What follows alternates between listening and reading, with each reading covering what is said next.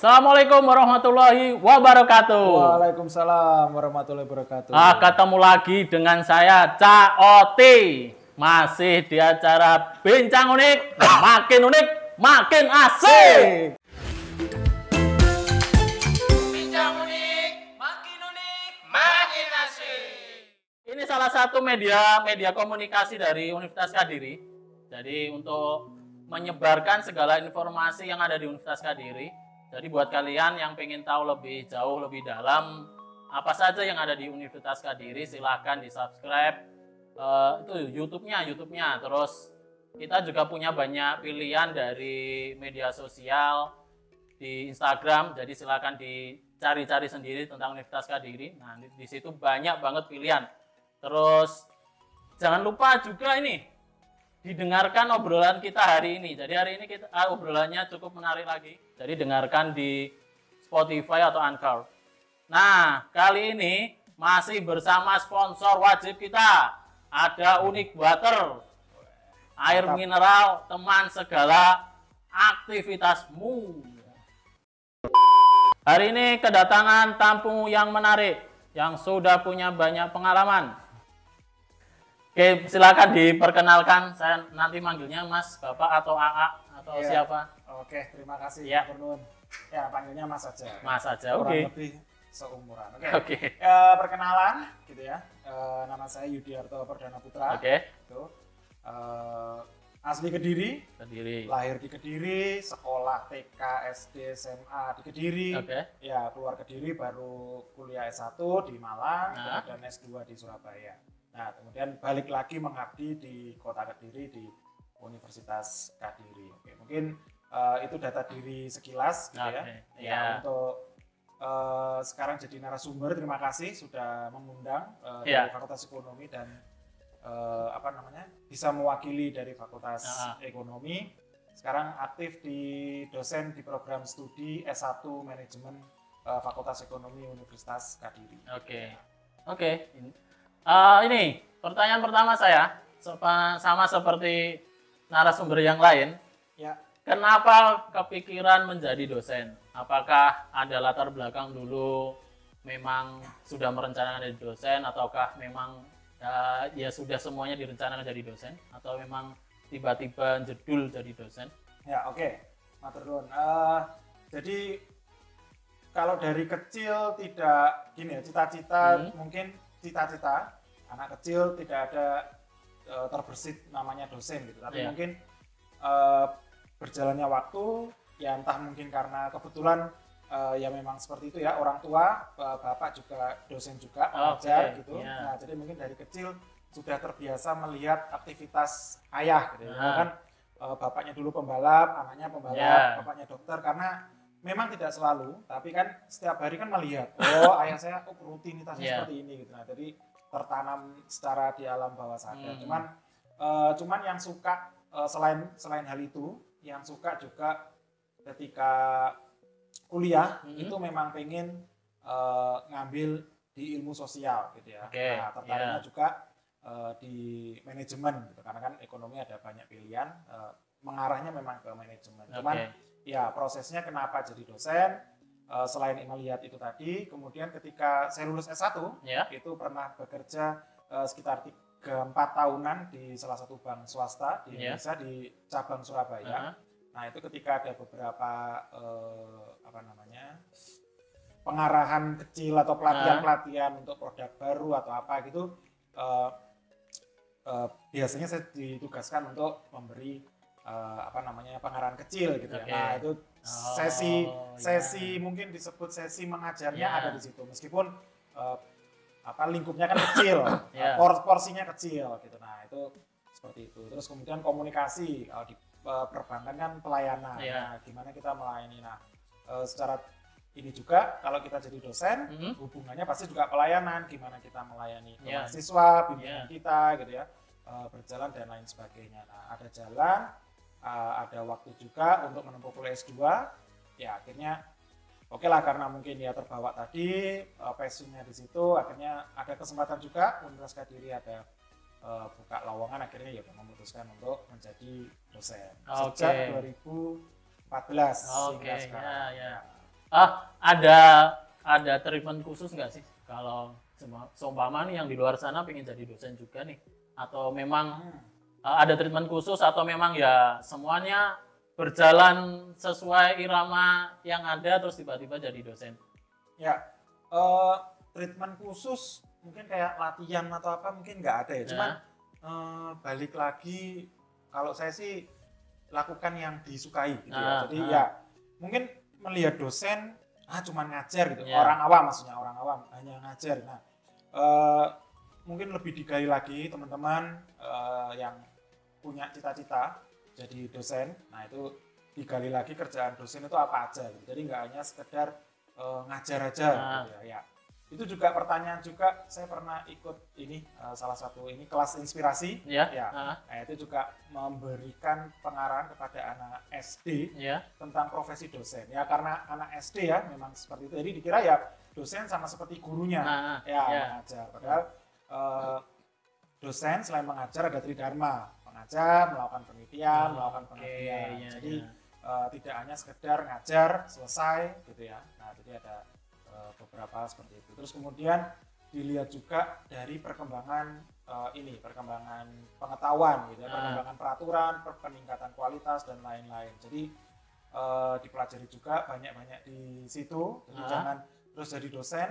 Maksudnya mungkin berbeda dengan kita bekerja di eh, perusahaan gitu ya Ya. yang sudah diterima ya sudah bekerja Ah. selesai gitu. Tapi dosen harus selalu update. Nah, jadi Oh, kalau kalau oke. sudah masuk jadi dosen terus Ya, kemudian ya, pasif ya udah jadi dosen ya tentunya tidak akan berkembang atau, atau tidak bisa punya karir yang bagus untuk eh, dosen. gitu. Ya, ya. Oh, oke gini, karena jadi dosen, saya percaya eh, ketika kita mendapatkan pekerjaan itu pasti ada ada proses di belakangnya.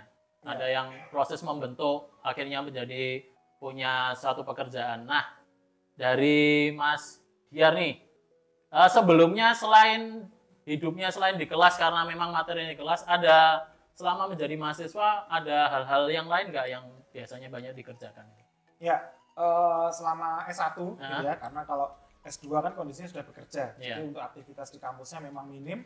Nah, untuk S1 karena murni menjadi mahasiswa, itu eh, beberapa kegiatan selain di kelas ya, selain Mhm. perkuliahan, itu juga kaitannya dengan ini apa ikut pasti ikut eh, organisasi-organisasi Ah. BEM gitu ya. Oke. Ikut seperti itu, kemudian kepanitiaan kepanitiaan seperti ospek, nah gitu eh, ospek untuk maba dan lain-lain. Kemudian untuk yang lain eh, ikut tim penelitian dosen. Ya, jadi kan oke, ya, karena kan eh, saya makanya kenapa tadi pertanyaan pertama pengen jadi dosen Nah. karena ada pengalaman tersendiri. Jadi dos- sudah tahu gitu dosen selain ngajar, oh dia harus menyelesaikan penelitian. Nah, Ah, oke. eh, dosen kan pastinya eh, tidak bisa sendirian kan ya Ya. untuk untuk menyelesaikan itu semua butuh staff, butuh Hmm. pembantu administrasi, pembantu lapangan dan lain sebagainya. Nah itu eh, biasanya mengambil dari mahasiswa sendiri. Ya saya pernah beberapa eh, project tiga atau empat project eh, penelitian dengan dengan dosen selama S1 selama empat tahun ya. Iya, iya, Ya, iya. hitungannya kecil karena Ah, empat selama empat Iya. tahun. Nah selain itu di kampus selain di kampus untuk di luar juga ya namanya anak muda gitu ya. Kalau lagi weekend kan juga eh, mungkin nganggur-nganggur juga. Jadi sama teman-teman entah jualan apa, ada Iya. produk, Oh, ada produk oke. apa ya segitu asal asal asal gitu tapi eh, untuk mengasah eh, pengalaman bisnis lah. Iya, iya. iya. Oh, ini, kenapa dulunya kok milih di ekonomi?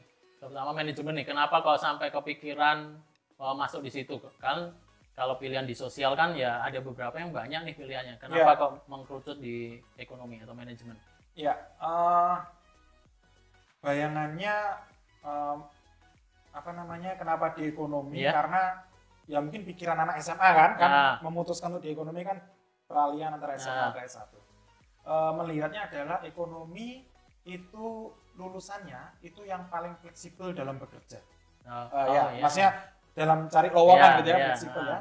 Ya, kalau teknik mungkin ya spesifik teknik. Iya. Kalau hukum eh, spesifik pekerjaannya terkait dengan hukum gitu ya. Iya. Nah, sementara kalau ekonomi eh, baik itu apa aja ya. Mungkin kalau akuntan, akuntansi Hmm. lebih spesifik Iya. cuman karena saya dari awal memang sudah eh, apa namanya otaknya blank kalau dengan akuntansi. Iya. Nah, jadi eh, pilihannya dulu itu antara ekonomi pembangunan sama manajemen gitu. IE ya. ilmu ekonomi atau manajemen ya.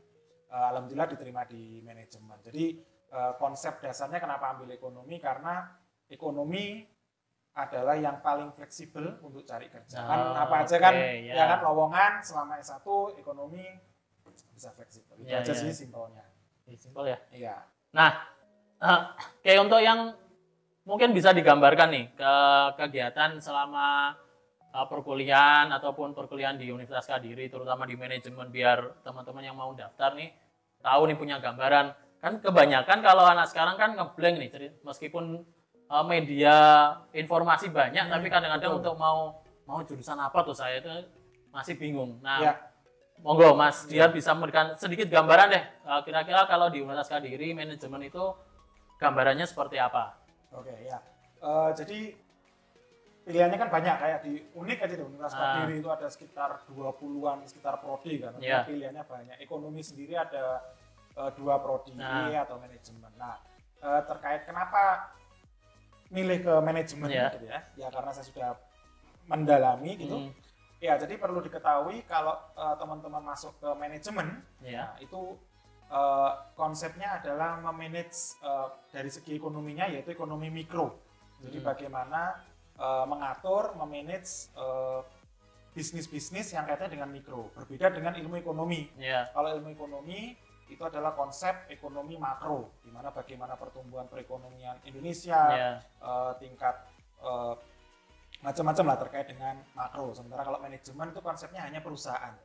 Jadi bagaimana perusahaan ini eh, dimanage sedemikian rupa bisa eh, sesuai dengan visi misi dan tujuannya. Nah di manajemen itu eh, intinya mungkin banyak sekali teori ya, cuma yang Nah. paling umum adalah POAC gitu ya, POAC, planning, organization, uh, act to acting, controlling. nah, ada Oke, teori lain ya. misalkan plan, do, check, evaluate dan lain-lain. Cuma Ya. yang paling umum kan itu. Nah, itulah yang akan dipelajari di dalam uh, manajemen. Nah. Nah, mata kuliahnya banyak sekali. Cuman uh, planning kan di manajemen bagaimana berencana. Nah, itu kan penting kan? Karena perusahaan menghadapi 2021 menghadapi kondisi pandemi, Iya. nah itu kan butuh perencanaan kan nggak mungkin perusahaan jalan ya udah jalan aja kan nggak mungkin. Nah. pasti plan perencanaan. Nah itu nanti dipelajari gitu ya. Eh, ada dasar-dasar mata kuliah dasar di eh, manajemen. gitu. Iya. Terus kemudian organizing, bagaimana mengatur-mengatur. Nah itu eh, mengatur dari segi pemasarannya, keuangannya. Gitu. Nanti ada mata kuliahnya sendiri, ada to acting. Nah, Iya, nanti iya, bagaimana eh, menjalankan, mungkin mungkin di SDM bagaimana menaruh orang-orang ya kan untuk menjalankan tersebut. Kontrol ya kontrol. Nanti balik lagi ke eh, planning. Nah, itu itu pengembangannya di situ. Jadi eh, untuk di manajemen secara ilmu itu mempelajari hal-hal eh, seperti itu gitu. Ya mungkin ada yang bilang ya kalau manajemen kan umum gitu ya, Hmm. maksudnya kan berbeda dengan dengan prodi-prodi lain. Lain, Mungkin ya terutama eksak gitu ya, Iya. yang lebih spesifik ya karena ekonomi memang umum. Eh, eh, manajemen umum, bagaimana kita harus bisa fleksibel eh, dalam mempelajari, kemudian lulus harapannya juga sebagai manajer Ya. juga harus lebih fleksibel. Gitu. Oh, oke gini. Biasanya kan kalau saya tahu nih sekarang kan banyak eh, yang masih muda itu eh, pengen jadi wirausaha nih, ya kan? Kebanyakan kan selain bekerja mungkin ada beberapa kesempatan yang wirausaha. Eh, masih eh, nyambung nggak ketika yang pengen wirausaha ini masuk ke manajemen? Oke, eh, pastinya nyambung gitu ya. Mungkin di beberapa universitas yang eh, besar gitu ya, mungkin PTN-PTN sudah ada eh, prodi kewirausahaan gitu. ya. Nah. Nah, tapi ketika di Unik eh, nyambung nggak sih manajemen dengan kewirausahaan? Pastinya nyambung karena balik tadi yang tadi bahwa eh, di manajemen ini diajari bagaimana eh, memanage tadi ya, Nah. POAC tadi. Nah, itu bisa diterapkan ketika dia menjalankan bisnisnya gitu kan. Saya mau bisnis apa nih gitu.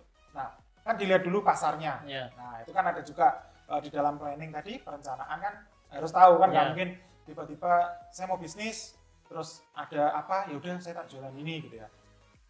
Mungkin kalau iseng bisa, tapi kalau untuk serius harus direncanakan matang-matang planningnya gimana gitu. Nah, terus kemudian bagaimana mengorganisasikan kan ada mata kuliah manajemen Iya. sumber daya manusia Oke. bagaimana pemasaran, ada manajemen pemasaran.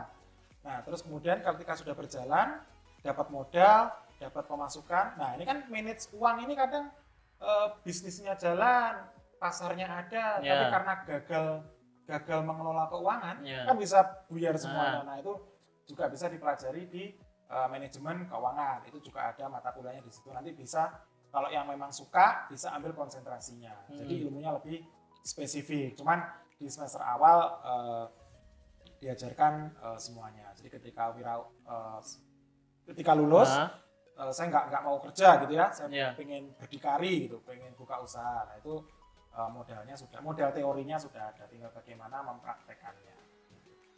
Oke, eh, saya ngambil dari yang jadi di awal tadi kan Mas Diar pernah bekerja di bank, ya kan? Ya, Nah, eh, ketika menjadi dosen di ekonomi, apakah ada pengalaman yang eh, beda nggak maksudnya dari ke bank masuknya ke ke dosen? Yang beda banget apa di situ? Oke, eh, beda banget dalam hal mungkin, eh, maksudnya beda antara teori dan kenyataan. gitu. Ah, ah, ah. ya teo, apa perbedaan teori yang dengan kenyataan di bank ya Eh, secara umum jadi misalkan Ya. kayak bank itu kan mengutamakan bagaimana servis gitu Ya. pelayanan ya nah di manajemen juga diajarin mungkin banyak sekali penelitian atau skripsi terkait service quality Ya. gitu ya banyak hal itemnya variabelnya dan itu banyak sekali diteliti nah itu diterapkan oleh oleh perbankan pastinya nah perbedaannya mungkin adalah eh, bagaimana prakteknya Hmm, karena balik lagi dari dasar dari manajemen itu kan pengertiannya kan eh, manajemen adalah seni dan ilmu. ya. Nah, jangan lupa ada seninya, Oh, ya kan? Ilmunya kan kita Ya, pelajari ya. di kelas dan Ah. lain-lain. Nah, kalau seni ini ukurannya kan personal masing-masing gitu, Ya. ya. karakter masing-masing gimana orang ada yang sifatnya keras gitu makanya Ya. eh, jadi pemimpin dia bisa keras, bagaimana bisa fleksibel, bagaimana dia eh, apa seninya kan beda-beda. Tujuannya pasti sama kan? Ya. Tujuannya kan pasti kalau berwirausaha pengen sukses, kalau jadi karyawan pengen punya karir yang bagus. Tapi kan seninya kan beda-beda. Ya. Nah, kayak musik, ada yang suka musik rock, ada yang suka musik dangdut, jazz dan lain. Nah, jadi eh, perbedaannya perbedaannya adalah pada eh, seninya. gitu. Ya. Gimana ketika kerja di bank menghadapi nasabah, Hmm, Nah, itu pembedanya gimana setiap orang itu akan berbeda eh, dalam menghandle nasabah tersebut. Ah, Mungkin pembedanya gitu. Kalau di teori kan, loh harusnya orang ini apa? Saya berhadapan dengan pimpinan Nah, perusahaan gitu ya, saya sedang melobi agar mungkin kredit atau dananya bisa masuk. Nah, itu ya. seninya itu kan saya sebagai marketing harus mempelajari. Oh, karakternya Pak Boti ini sukanya eh, manis-manis Iya. gitu. Oke. Oh. Nah, saya eh, apa lembut gitu ya. Hmm. Temponya soft gitu. Itu kan seni saya. Iya. Nanti menghadapi tiba-tiba Pak Boti eh, perusahaan besi gitu ya, apa kontraktor gitu, Nah. gimana orangnya, wes kamu butuhnya apa? Nah. Enggak. Nah, gitu masa Pak, dia saya harus Ah. malah saya yang kalah kan. Iya, Nah, iya, jadi iya, iya. seninya di situ. Jadi seni dan ilmu, ilmu dipelajari di kuliah, seni adalah ketika praktek dia harus tahu bagaimana eh, seninya tadi dijalankan. Ah, Oke. Wih, menarik. Oke, eh, kalau di kalau ada yang masuk ke Universitas Kadiri nih, Ya. masuk ke manajemen, kira-kira kesempatan-kesempatan apa aja yang kira-kira sih yang bisa diperoleh sih ketika mereka mendaftarkan ke manajemen? Ya berarti spesifik untuk Ah, unik ya. ah, manajemen. spesifiknya. Ya. Eh, jadi beberapa benefit tentunya pertama akreditasi nih, Ah. ya kan? Karena kan eh, kita balik lagi ya mungkin ada beberapa teman yang berwirausaha, Ya. katakanlah nggak penting ijazahnya, tapi Ya. mayoritas adalah untuk melanjutkan ke jenjang karir yang lebih tinggi Nah. atau pengen melamar. Nah, Pasti akreditasi karena akreditasi syarat utama. Nah, Alhamdulillah secara institusi unik juga sudah baik sekali atau Ya. mungkin kalau secara umum B gitu ya baik, Nah. baik sekali atau B. Nah manajemen sendiri juga B, ekonomi pembangunan juga B. Ya jadi kita sudah eh, sudah oke gitu ya untuk akreditasi itu benefit yang pertama pastinya. Terus kemudian eh, benefit untuk eh, apa namanya eh, di kampus sendiri Iya. fasilitas ya fasilitas di Universitas Kadiri untuk fakultas ekonomi khususnya semuanya ya entah LP atau manajemen itu ruangannya sudah ber AC semuanya Oke. sudah ya maksudnya kelas yang kekinian Ah, lah ya ah. dengan LCD kursi yang Oh, ya. kursi yang seperti itu nah kemudian benefit lain eh, beasiswa Nah. ada juga ya cuma nanti kalau detail eh, jumlahnya berapa saya nggak bisa Ya. menjelaskan karena bukan di bagian Nah. saya Eh, beasiswa terus kemudian kesempatan-kesempatan misalkan tadi menambah pengalaman dengan Iya. ikut penelitian dosen Oh, iya. ya terus kemudian eh, di unik ada JPC Hah? Job Placement Center yaitu bagaimana nanti ketika sudah selesai eh, JPC ini mungkin dari segi soft skill gitu ya bagaimana membuat surat lamaran Oh, nanti ketika ada Iya, iya, iya. ada mitra-mitra unik Nah, yang ada lowongan Oh. misalkan perbankan atau apa infonya kan ke JPC Iya. nah nanti akan dihubungkan atau di sosmednya JPC itu biasanya di share Oke. nah jadi eh, fasilitasnya eh, seperti itu jadi itu itu untuk yang internalnya di unik kira-kira kurang lebihnya oh, eh, begitu Ya, ya, ya. Oke. Terus ini, ya kalau ngomong mahasiswa sudah masuk, biasanya kan pengen tahu nih kalau lulus mau jadi apa. Nah, Hmm. kira-kira ada gambar, eh, diberikan gambaran dong. Kalau mahasiswa dari ekonomi itu lulusnya ya kebanyakan di bidang apa sih? Ya, eh, di manajemen sendiri alumninya gitu ya, Ah. di Unik ini alumninya eh, banyak sekali ya, maksudnya Ah. banyak sekali tadi di awal saya jelaskan kalau di manajemen ini fleksibel gitu ya. Jadi yang jadi PNS ada Hmm. gitu ya, maksudnya kerja di pemerintahan ada, di eh, BUMN juga Ya. ada gitu ya, perbankan banyak sekali, Ya. Eh, di perusahaan di gudang garam itu juga Ya. ya, kalau di Oh, Kediri di oke. gudang garam banyak banyak sekali juga itu kemudian eh, lebih banyak ya mungkin wira, wira swasta juga banyak sekali karena sekarang Ya, ya. minatnya kan dengan seperti ini pengen bikin startup Ah, startup bisnis ah. gitu juga banyak nah tapi kalau untuk di pekerjaan tadi eh, sangat eh, fleksibel gitu ya Ya. di perbankan ada di mana ada di bagian apa pun eh, bisa masuk gitu ya ketika kita lulus eh, mayoritas jumlah lowongannya lebih banyak Banyak. Oke. Oh, oke. Itu Mas Diar eh, sedikit kita berikan gambaran soal ekonomi. ya Jadi terima kasih banyak. Ya, Mungkin sama-sama. lain waktu kita akan eh, bahas-bahas yang lain. siap pastinya Oke. lebih detail banyak waktunya Iya. Oke. Oke, Eh, oke. Ini Mas Diar, ada kan banyak nih info eh, soal kalau di berita-berita kan ada banyak investasi-investasi bodong nih. Nah, apalagi kan sekarang kalau anak muda kan eh, gampang banget nih ke Ya. biar Tergiur ya. kan. Nah, kira-kira eh, tips-triknya untuk biar ya si anak muda ini apalagi kalau ma- mahasiswa ekonomi kan yang paling dekat dengan semacam itu. Nah, kira-kira gimana biar mereka bisa memilih yang pas, yang benar lah. Ya, oke, terima kasih. S- saya bahasnya secara simpel aja, Ah. secara umum dan garis besar ya. Jadi eh, tipsnya yang pertama legal, legalitas. Ah. Nah, itu kan legalitas itu kan penting. Jadi ketika dihadapkan pada eh, ini, dihadapkan pada penawaran gitu Ya. kan, eh, nawarin kita atau yang lain-lainnya. Nah, itu pertama legalitasnya. Tentunya kalau investasi-investasi yang sifatnya trading-trading Nah. gitu kan, nah digital gitu, nah itu pastikan eh, terdaftar di OJK. Nah. Nah, artinya kan eh, sudah di, di apa legalitasnya ada. Terus kemudian kita bisa melihat dari penawaran eh, keuntungannya. Iya. Nah, itu kan ya patokannya secara simpel kan dari SBI eh, suku bunga eh, Iya. Bank Indonesia. Ya, jadi suku bunga deposito lah, simpelnya gitu. Jadi teman-teman teman-teman yang mau apa eh, investasi gitu ya, ya dibandingkan aja dengan suku bunga deposito. Nah, Jadi misalkan suku bunga deposito sekarang antara 6, 5, 6 ya, 4, 4 sampai 6 persen per tahun. Ya, per tahun. Nah, kita bandingkan nih sama penawarannya. Misalkan tiba-tiba eh, Pak Boti datang nih, Mas, Iya. saya punya investasi Mas, produk seperti ini, ini, ini. Nanti naruh uang di saya, Hmm. sekian.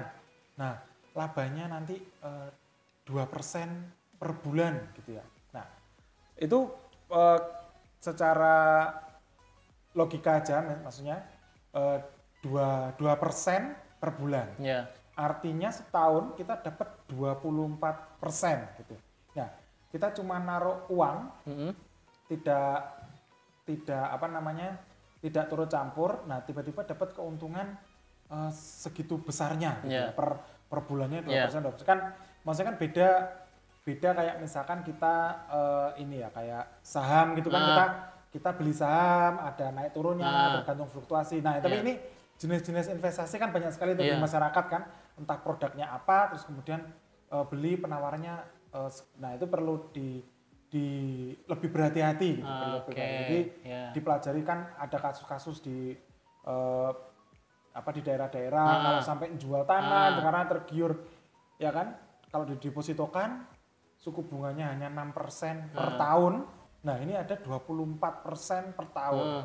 Nah, hanya tergiur seperti ini. nanti berjalan berapa bulan eh, uangnya dibawa lari, nah, Nah, kan malah jadi masalah. Jadi itu eh, mungkin simpelnya begitu. Jadi dibandingkan dengan suku bunga deposito. Kalau memang logikanya masuk, ya silakan eh, dengan lebih berhati-hati. Oke, berarti kan ini juga banyak nih kan kalau kita nonton YouTube nah, atau buka media sosial lain tiba-tiba muncul eh, iklan investasi. Nah, Iya. a- sama nggak sih treatmentnya eh, kalau sebagai anak muda atau mahasiswa ekonomi juga menyikapi eh, iklan-iklan semacam itu kan kalau dilihat kalau kita ngelihat kan menarik nih beberapa beberapa iklan itu ada sosok artis ya, yang yang menjadi Endorse penging- ah, ya, ah. brand-brand BA-nya brand Nah, ambassador. Eh, sama nggak treatmentnya sebagai anak muda untuk milih-milih milih-milah itu? Ya, eh, treatmentnya kurang lebih sama. Yang perlu dipahami adalah setiap investasi itu pasti ada resikonya, Ah. gitu kan. Nah, eh, jadi jangan hanya melihat eh, biasanya kan kalau di iklan dan lain-lain kan karena waktunya sedikit Iya. dia menampilkan wah untung gitu kan ya.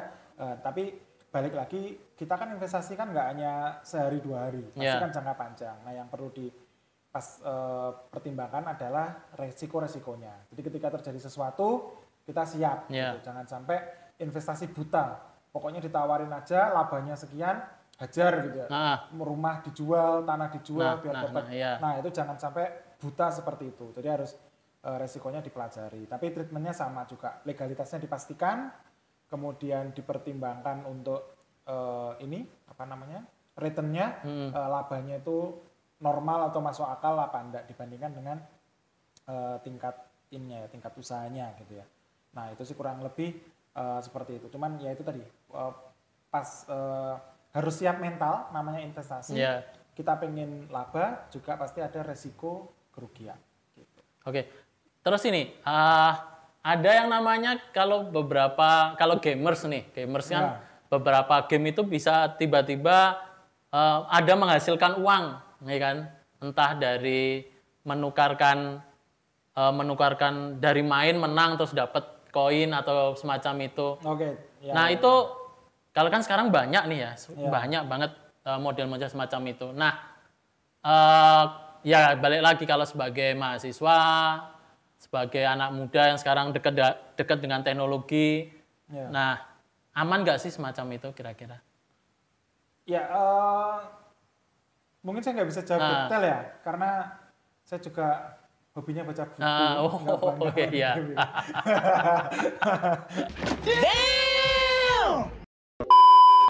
ya, nggak maksudnya Ah. saya juga juga main game, cuman tidak tidak tidak pernah menekuni atau apa namanya mempelajari terkait dengan bagaimana game. Ya, saya tahu sih Ah. game gitu kan, ada itu. Cuman eh, saya nggak tahu ya, saya mau sebut ada unsur judinya apa enggak karena saya juga Iya. tidak tidak terjun di Oke. dalamnya.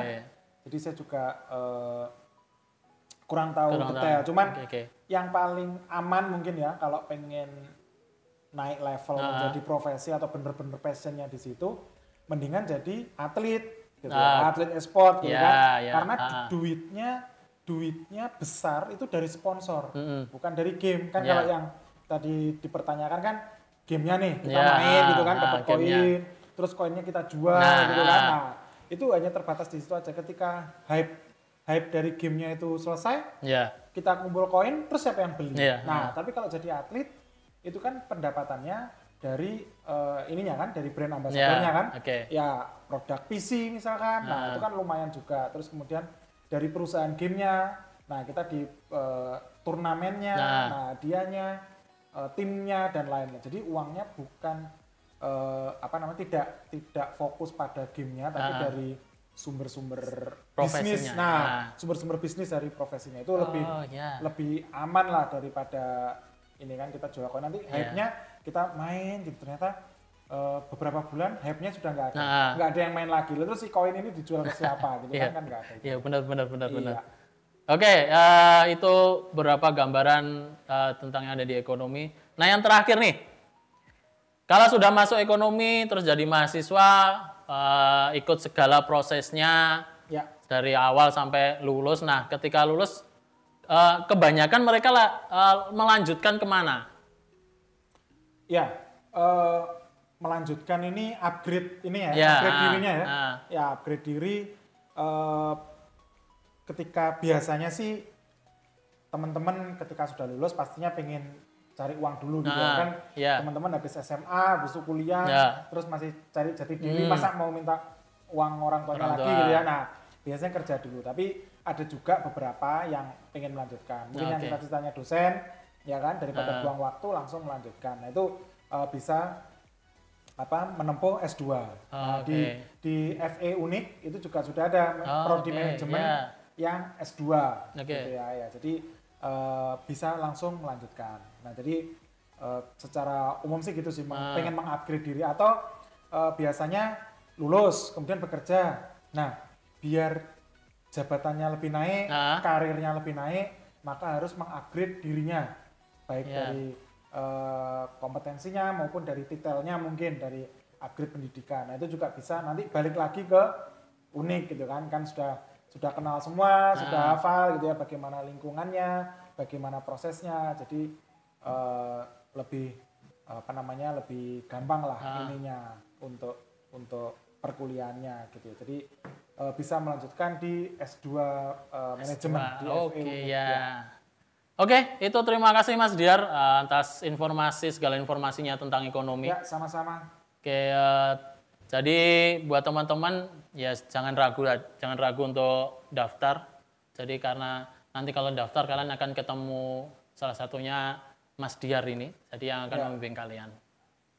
Nah, itu tadi kita sudah banyak bahas soal tentang ekonomi. Jadi yang kalian yang mau lulus SMA ataupun yang ingin melanjutkan kuliah, jadi jangan ragu-ragu nih. Kalau masih bimbang, nah, kalau masih bimbang, masih ragu-ragu mau ah, mau daftar ke mana, ke- mau ambil jurusan apa, jangan lupa tetap di subscribe YouTube-nya Universitas Kadiri. Terus kita juga punya media sosialnya Universitas Kadiri. Jadi search aja, dicari aja eh, Instagramnya. Nah nanti muncul. Jadi segala macam info kegiatan kami, terus soal pendaftaran sudah pasti ada di situ. Jadi eh, tetap dengarkan kami di podcast ini di Spotify. Jangan lupa yang terbaru nih, yang terbaru eh, Universitas Kadiri dapat akreditasi B atau baik sekali. Nah ini jadi kesempatan kalian kalau mau melanjutkan kerja di mana pun, nah, ini jadi kartu as penting nih kalau punya akreditasi B atau baik, baik sekali. Oke, sampai jumpa di podcast yang lain. Jadi selalu tunggu kami. Eh, terima kasih semuanya. Eh, tetap dengarkan Bincang Unik, makin unik, makin asik. Terima kasih. Assalamualaikum warahmatullahi wabarakatuh.